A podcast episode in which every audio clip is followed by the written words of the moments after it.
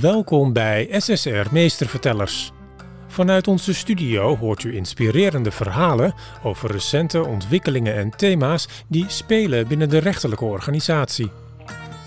In deze aflevering is de gast Rens Vliegendhart, hoogleraar media en samenleving aan de Universiteit van Amsterdam. Hij gaat met Daan Langkamp in gesprek over de manier waarop de rechtspraak omgaat met de media. Zou dat anders of beter kunnen en wat zou dat voor gevolgen hebben? Over hoe onafhankelijkheid een complicerende factor kan zijn. Rens Vliegendhart, je bent hoogleraar media en samenleving aan de UvA. Je geeft de cursus uh, Blik van buiten naar binnen aan de SSR. Het gaat over wisselwerking tussen media, maatschappij en, uh, de rechtspraak. Welkom. Dankjewel. Um, allereerst, wat doe je normaal als, als uh, hoogleraar media en samenleving? Nou, een heleboel verschillende dingen. Uh, ik doe onderzoek naar, uh, naar mediaberichtgeving, media-effecten, hoe mensen media gebruiken om hun, uh, hun meningen en opinies te vormen. Daar geef ik ook een beetje les over. en daarnaast ben ik sinds een jaar of drie ook wetenschappelijk directeur van onze onderzoeksschool. Dat betekent dat ik ook gewoon heel veel vergader en, en bezig ben met universiteit besturen, zeg maar. Ja, en, en wat onderzoek je zoal? Nou, met name dus uh, de politieke kant. Dus uh, verkiezingscampagnes, uh, interacties tussen politici en journalisten. Afgelopen Tweede Kamerverkiezingen hebben we bijvoorbeeld een heel mooi onderzoek gedaan waar we gekeken hebben naar het Facebook-gebruik van mensen en wat voor politieke advertenties ze daartegen kwamen en of dat dan ook nog effecten had op wie ze uiteindelijk gingen stemmen. Dus nou ja, dat, dat soort type vragen. Nou, ik kan me ook voorstellen dat die interactie tussen journalisten en misschien ook de samenleving met rechters ook heel interessant is. Zeker. Ja, en dat deed eigenlijk uh, het verzoek om, uh, om bij SSR die een cursus te gaan geven, deed mij dat ook uh, een beetje realiseren. Dat er eigenlijk dus heel erg weinig onderzoek naar bestaat, naar hoe dat dan met rechten zit. Terwijl dat natuurlijk ook een, heel, ja, een hele belangrijke, zou je kunnen zeggen, maatschappelijke actor is. Ja, want hoe, hoe is de interactie eigenlijk? Ja, die is heel beperkt. En je ziet natuurlijk dat die, die rechter in een hele specifieke rol zit. En dat die onafhankelijkheid nog wel eens een beetje in de weg kan zitten, misschien in het uh, volle bak de media opzoeken. Uh, heel veel interacties met journalisten aangaan. Misschien dus wat behoudend nog. Misschien wat behoudend. Misschien ook wel terecht wat behoudend natuurlijk. Uh, en je ziet wel um, dat rechters wel ermee bezig zijn. En dat de vraag van wat doet een uitspraak met, met het publiek, met de samenleving. Uh, er, worden er zijn persrechters die ook uh, communiceren met journalisten en interviews geven. Maar je zal ze bijvoorbeeld niet zo snel bij opeens zien zitten. Hè? Dat, dat laten, wordt dan toch vaak aan de advocaten overgelaten om daar, uh, om daar hun casus te Zonder justitie zit er nog natuurlijk ook nog wel eens aan tafel. Een enkele keer, ja. ja. Maar inderdaad, hè, de rechter... En, en de vraag is van, hoe moet je dat willen? Ja, want het gevaar is natuurlijk dat je heel snel in, in allerlei uh, maatschappelijke en politieke discussies terechtkomt. Uh, waar je misschien juist vanuit die onafhankelijkheid wel wat weg wil blijven. Uh, maar de andere kant is natuurlijk wel dat er heel veel van buiten naar binnen komt in dat opzicht. En dat je dus wel ziet dat journalisten natuurlijk heel erg veel uh, schrijven over die en, uh, en rapporteren over die, uh, over die rechtszaken. Maar ook dat er op sociale media het publiek zich daar heel erg druk over maakt. En soms moet je daar misschien toch wat mee. Ja, want is de, is de komst van social media, heeft dat veel veranderd? Nou ja, het heeft onze samenleving natuurlijk wel uh, sowieso enorm veranderd. En als, klassiek dachten wij altijd over, um, uh, over, over politici, maar je kan het eigenlijk ook wel zeggen over, uh, over de, de rechtspraak. Dat journalisten daar enorm belangrijk werden, zijn in die communicatie naar het publiek toe. En dus eigenlijk alles wat wij weten over rechtszaken, Tenzij dat we er zelf gaan zitten kijken. Of de mensen die daarbij betrokken zijn kennen. Maar dat is niet zo erg vaak. Dat wisten we dan traditioneel gewoon uit de krant en, uh, en van de televisie. Uh, maar de komst van het internet betekent dat we ten eerste veel meer zelf kunnen zoeken. En betekent uh, dat we ook terug kunnen praten op een bepaalde manier. En op het moment dat, je, dat er een uitspraak is waar je het bijvoorbeeld helemaal niet mee eens bent houdt niemand je tegen om op Facebook, uh, op Twitter of op welk sociaal medium dan ook daar uh, je mening over te geven. Ja, en in welke manier dan ook natuurlijk. Op welke manier dan ook. en vaak is dat heel positief, hè? want we hebben heel erg de neiging om dat heel erg op, op dat negatieve te, uh, te zetten. Maar um, nou ja, ik begreep bijvoorbeeld ook dat, um, dat de rechtbank een heel grote webcare afdeling heeft inmiddels. Waarbij ze ook gewoon feitelijke vragen beantwoorden. Hè? Dus als mensen op zoek zijn naar informatie en meer willen weten en dat op een gewone, fatsoenlijke manier doen, dan is het eigenlijk ook een hele positieve manier om, om eigenlijk ook jouw maatschappelijke rol uh, naar voren te brengen. En misschien ook wel dingen uit te kunnen leggen die, uh, die in zo'n uitspraak misschien heel juridisch zijn, heel formeel geformuleerd zijn. Uh, en die je misschien ook wel in gewone mensentaal op een bepaalde manier mensen kunt bereiken die je anders, anders niet bereikt. Ja, en waarbij rechtbanken of rechters dus één op één ook iets terug kunnen zeggen. Ze kunnen iets terugzeggen.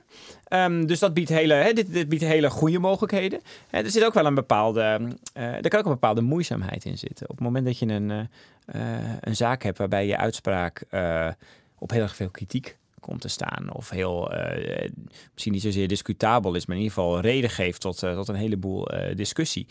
Um, dan kan dat ook lastig zijn. Want uiteindelijk kan je ook niet heel veel meer dan gewoon weer uitleggen en nog een keer uitleggen. En dat probeer dat op een goede manier te doen. Um, uh, waarom je tot je oordeel gekomen bent. Ja, want um, het, het, het, levert soms reactie op. Hè? Je hebt hele boze reacties of mensen die uh, nou, bijvoorbeeld roepen... nou, komt hij er weer af met een taakstraf? Is natuurlijk een veel gehoorde ja. uitspraak. kunnen we dan niet zwaarder straffen? Um, terwijl een rechter die kijkt natuurlijk naar alle omstandigheden. Ja, en dat is dus ook een moeilijk verhaal om te vertellen. En dat is natuurlijk ook waarom er natuurlijk sowieso al wel, als het over die gewone traditionele media gaat, een bepaalde spanning op zit. Uiteindelijk is er een bepaald soort vereenvoudiging die, uh, uh, die plaatsvindt. Waarin misschien wat nuance verdwijnt. Waarin misschien wat nuance verdwijnt. En zeker die diepgang. Hè? Ik bedoel, die uitspraken zijn vaak, uh, weet ik veel hoeveel pagina's lang. En je moet het uiteindelijk ook terug kunnen brengen tot een item van één of, één of twee minuten. waarbij dus niet alle overwegingen en argumenten tot in de, tot in de treuren aan, de, aan de orde komen. Um, en dat maakt, het, maakt het natuurlijk sowieso die communicatie lastig. En op het moment dat dat dan ook nog moet met heel um, direct met het publiek dat al best wel een mening heeft over bepaalde, uh, bepaalde zaken. En inderdaad vooral een heel erg gevoel heeft. Hè. Inderdaad, als het gaat over, uh, over strenge straffen, um, dan, uh, dan is het in ieder geval een deel van de Nederlandse samenleving die, dat, die daar wel voor is. In ieder geval die individuele gevallen, waarin bijvoorbeeld we al een beeld hebben gekregen van het slachtoffer of van, de, van wat, er wat er ongeveer gebeurd is. En dat die juridische nuance uh, het blijven bij het wetboek en bij de, uh, bij, bij, de, bij de regelgeving soms wel eens wat lastig uit te leggen zal zijn. Ja, je, je tikte het net al eventjes aan. Hè? Uh, dingen makkelijker uitleggen. misschien soms wat proactiever zijn. Ja. Um, bereiken rechters of de rechtspraak daar ook iets mee? Nou ja, ik denk dat het uiteindelijk wil je um, als institutie als zo'n belangrijke institutie in een, in een democratie, en zeker ook in de Nederlandse context, wil je toch ook dat je een bepaald vertrouwen en een bepaalde legitimiteit hebt. Dus je moet het. Uh, uh, ik denk dat het naastevenswaardig is dat uh, de gemiddelde burger weet hoe het rechtssysteem werkt en hoe men tot dit soort uitspraken komt, hè, in, in, in, in grove lijnen, globaal. aan de ene kant. En aan de andere kant dat je dus ook mensen die een bepaald belang hebben bij een uitspraak of daar uh, een bepaalde interesse voor hebben, ook op een goede manier van informatie kan voorzien. Want uiteindelijk is dat vertrouwen is, is, is heel fundamenteel. Hè? En we kunnen daar een hele lange, uh, lange discussie over voeren. Maar, maar, stel je nou voor dat nog maar 20 of 25 procent van de Nederlanders vertrouwen heeft in de rechtspraak. Dan hebben we, dan hebben we echt wel, hè, in, in de democratie rechtsstaat hebben we echt wel een probleem. Ja. En, uh, en daarom is het belangrijk om dat vertrouwen te, um, uh, te behouden. Want dat vertrouwen is eigenlijk best wel hoog in ja, het algemeen. Hoe dat nu met het vertrouwen? Ja, het vertrouwen is, uh, in tegenstelling tot wat veel mensen denken, um, neemt helemaal niet af.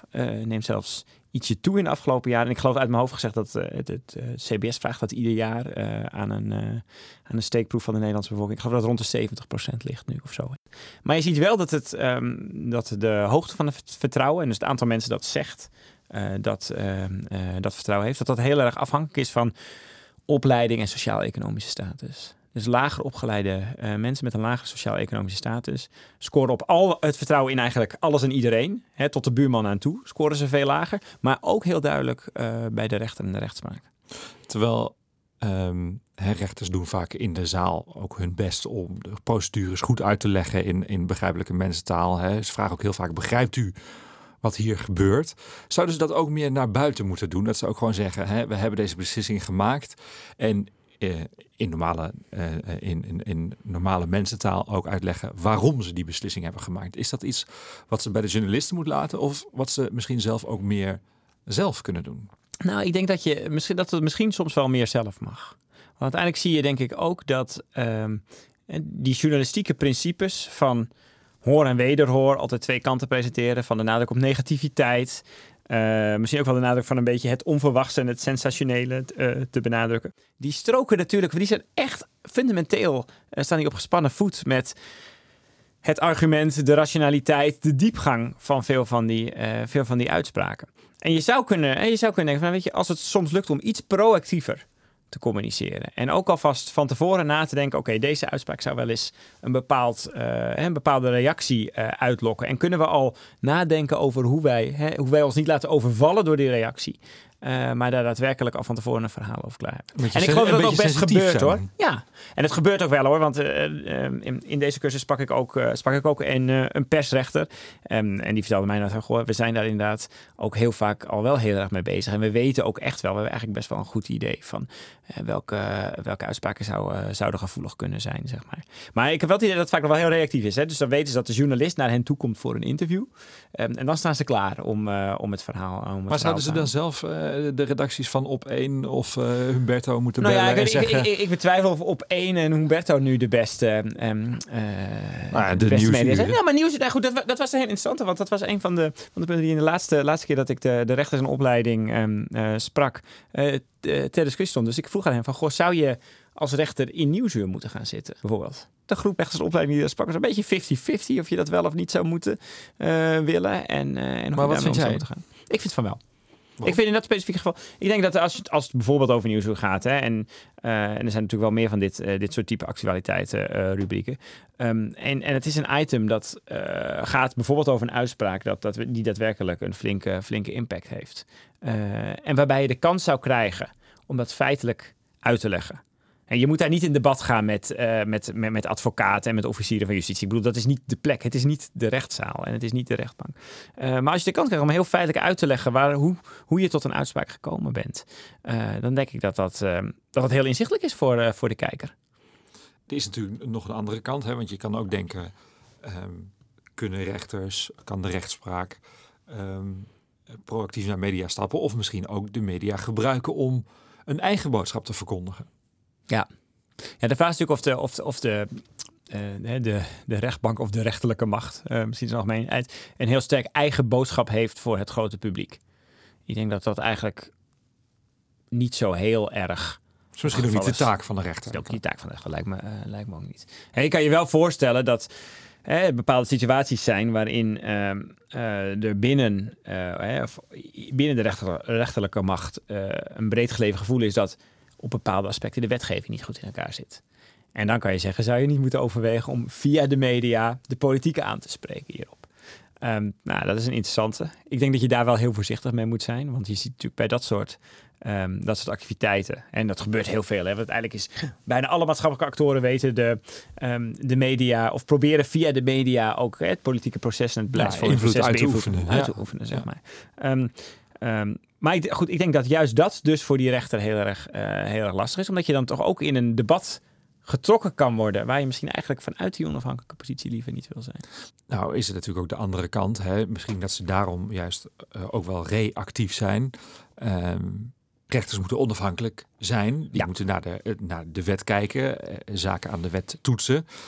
Um, rechters moeten dus ook onafhankelijk zijn. En juist zonder de druk vanuit de buitenwereld naar bepaalde zaken kunnen kijken. Is dat, is dat lastig?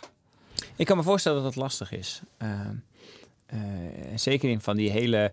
Uh, in heel veel gevallen ook niet, hè, denk ik. Want uiteindelijk zijn natuurlijk ook het grootste gedeelte van de, van de rechtszaken gaat natuurlijk vaak over hele zakelijke, uh, technische uh, aangelegenheden. Makkelijk te toetsen. Makkelijk te toetsen voor een groot gedeelte. En bovendien niet iets dat, waar enorm veel publieke druk op zit per se. Oh, er zijn natuurlijk wel van een aantal van die hele hè, hype, high profile cases.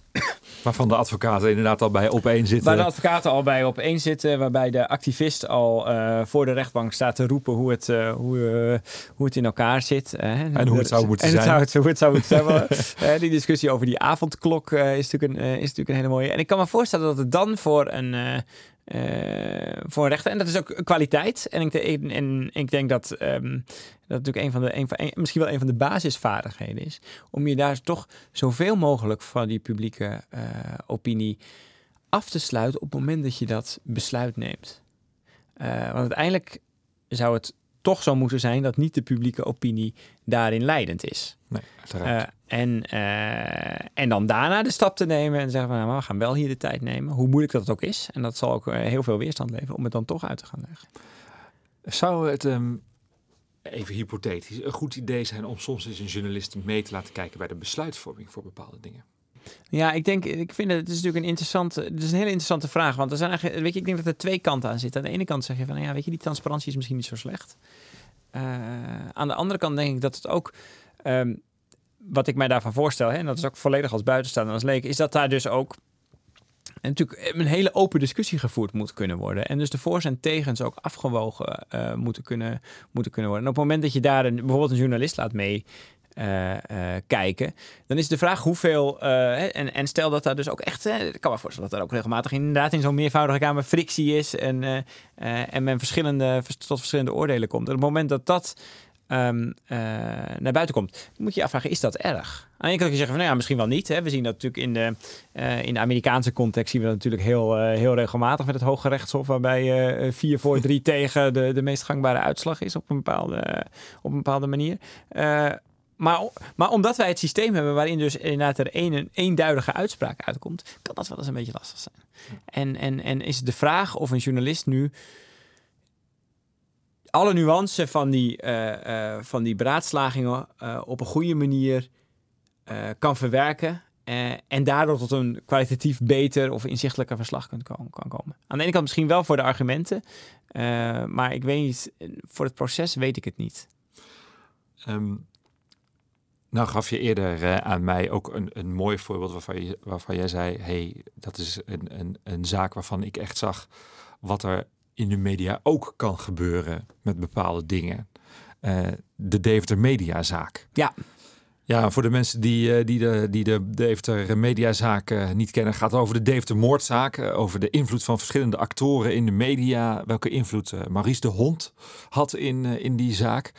maar ook welke invloed de andere journalisten hadden. Eigenlijk benoemt die podcast een beetje um, uh, alle kanten van de, de Deventer moordzaak. Wat vond je daar zo interessant aan? Nou ja, wat, wat goed. Ik, ik ben uiteindelijk communicatiewetenschapper, dus alles wat ik over die rechter zeg is, is ook maar gebaseerd op secundaire kennis. Uh, zeg maar. maar wat je daar terugziet is, een, um, uh, is hoe, hoe media kunnen werken. Een bepaalde media logica, hè, die, die laat zien dat bijvoorbeeld hè, iemand die daar dus in die wereld zit, en daar op een slimme manier een goede lobby op kan spelen. Hè, maar in dit geval Maurice de Hond.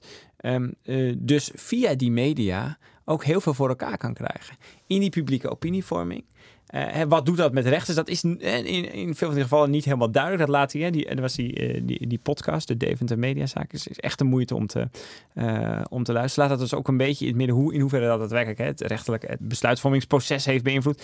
Dat lijkt heel beter zijn, maar het heeft in ieder geval wel gezorgd voor een enorme grote uh, uh, ophef en, uh, en voor enorme discussies en ook voor enorm veel kritiek op de rechter en op de rechterlijke macht. En als je daarnaar luistert en kijkt, denk je van, goh, dit is wel, het gaf voor mij heel erg mooi aan van, oké, hoe speelbaar dat soms kan zijn aan de ene kant. En ook op een bepaalde manier hoe kwetsbaar je dus kan zijn in, die, um, um, in, die, in zo'n storm, in zo'n mediastorm. En dan kan, ik me, kan ik me voorstellen dat het goed is dat de rechtspraak hè, juist het, het stevige schip is wat gewoon een eigen koers vaart in, ja. die, in die mediastorm. Um, maar waar ze toch ook wel sensitief voor zullen zijn. Ja, dat denk ik ook. En natuurlijk de angst voor een rechterlijke dwaling. Hè, en, en, ik bedoel, die voorbeelden hebben we natuurlijk, uh, natuurlijk ook. Die, die is natuurlijk ook wel heel daadwerkelijk aanwezig. En je weet, weet je, dat is een beetje het punt. Het gaat 99 van de 100 keer gaat dat goed, zeg maar. Maar die ene, die ene beslissing waar je mis zat, zeg maar, dat is wat mensen zich herinneren. En dat is ook waar mensen uh, het jaren later nog over uh, kunnen hebben. En ja, goed, weet je, en, dat, en, en, en, fouten zijn niet te voorkomen, of, of, of misinschattingen zijn, uh, zijn in dat opzicht niet te voorkomen. Maar dat daar een, bepaalde angst voor is. En zeker omdat natuurlijk media um, dat heel groot kunnen maken.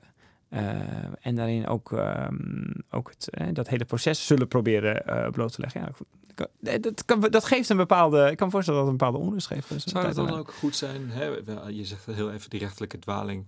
Uh, zou het dan ook goed zijn als bijvoorbeeld, als er zo'n gerechtelijke dwaling is, um, dat, dat de rechtspraak naar buiten treedt en zegt: bij, er is hier een fout gemaakt. Hè? Uh, als het Hof zegt: dit had het totaal anders gemoeten, wij vinden dit anders. Um, dat de rechtspraak daar eerlijk en open misschien in de media over praat. Ik denk dat dat wel heel goed zou zijn. Ja. Ik moet eerlijk zeggen dat ik, dat, dat ik het niet heel scherp heb in hoeverre dat dat uh, gebeurt. Uh, maar ik denk dat uh, hey, op, moment, weet je, op het moment dat zoiets gebeurt, weten we dat dat ehm, hè, uit, uit, uit allerlei onder, andere onderzoeken, ook naar, naar eh, bijvoorbeeld politieke actoren en politie, weten we dat het heel erg veel doet met het vertrouwen dat mensen hebben. Eh, en op het moment dat je daarop reflecteert, maar dan ook daadwerkelijk, en probeert om daar lering uit te trekken en proberen uit te leggen wat voor lering je daaruit uh, trekt, dat dat een eerste stap kan zijn om het vertrouwen terug te winnen. Ja. ja. Rens, ontzettend uh, dank voor je verhaal. Rens Vliegend Hart, um, hoogleraar media samenleving aan de UvA. Dankjewel. Alsjeblieft. Dit was SSR Meestervertellers. Wilt u op de hoogte blijven? Abonneer u dan op onze podcast. Graag tot een volgende keer.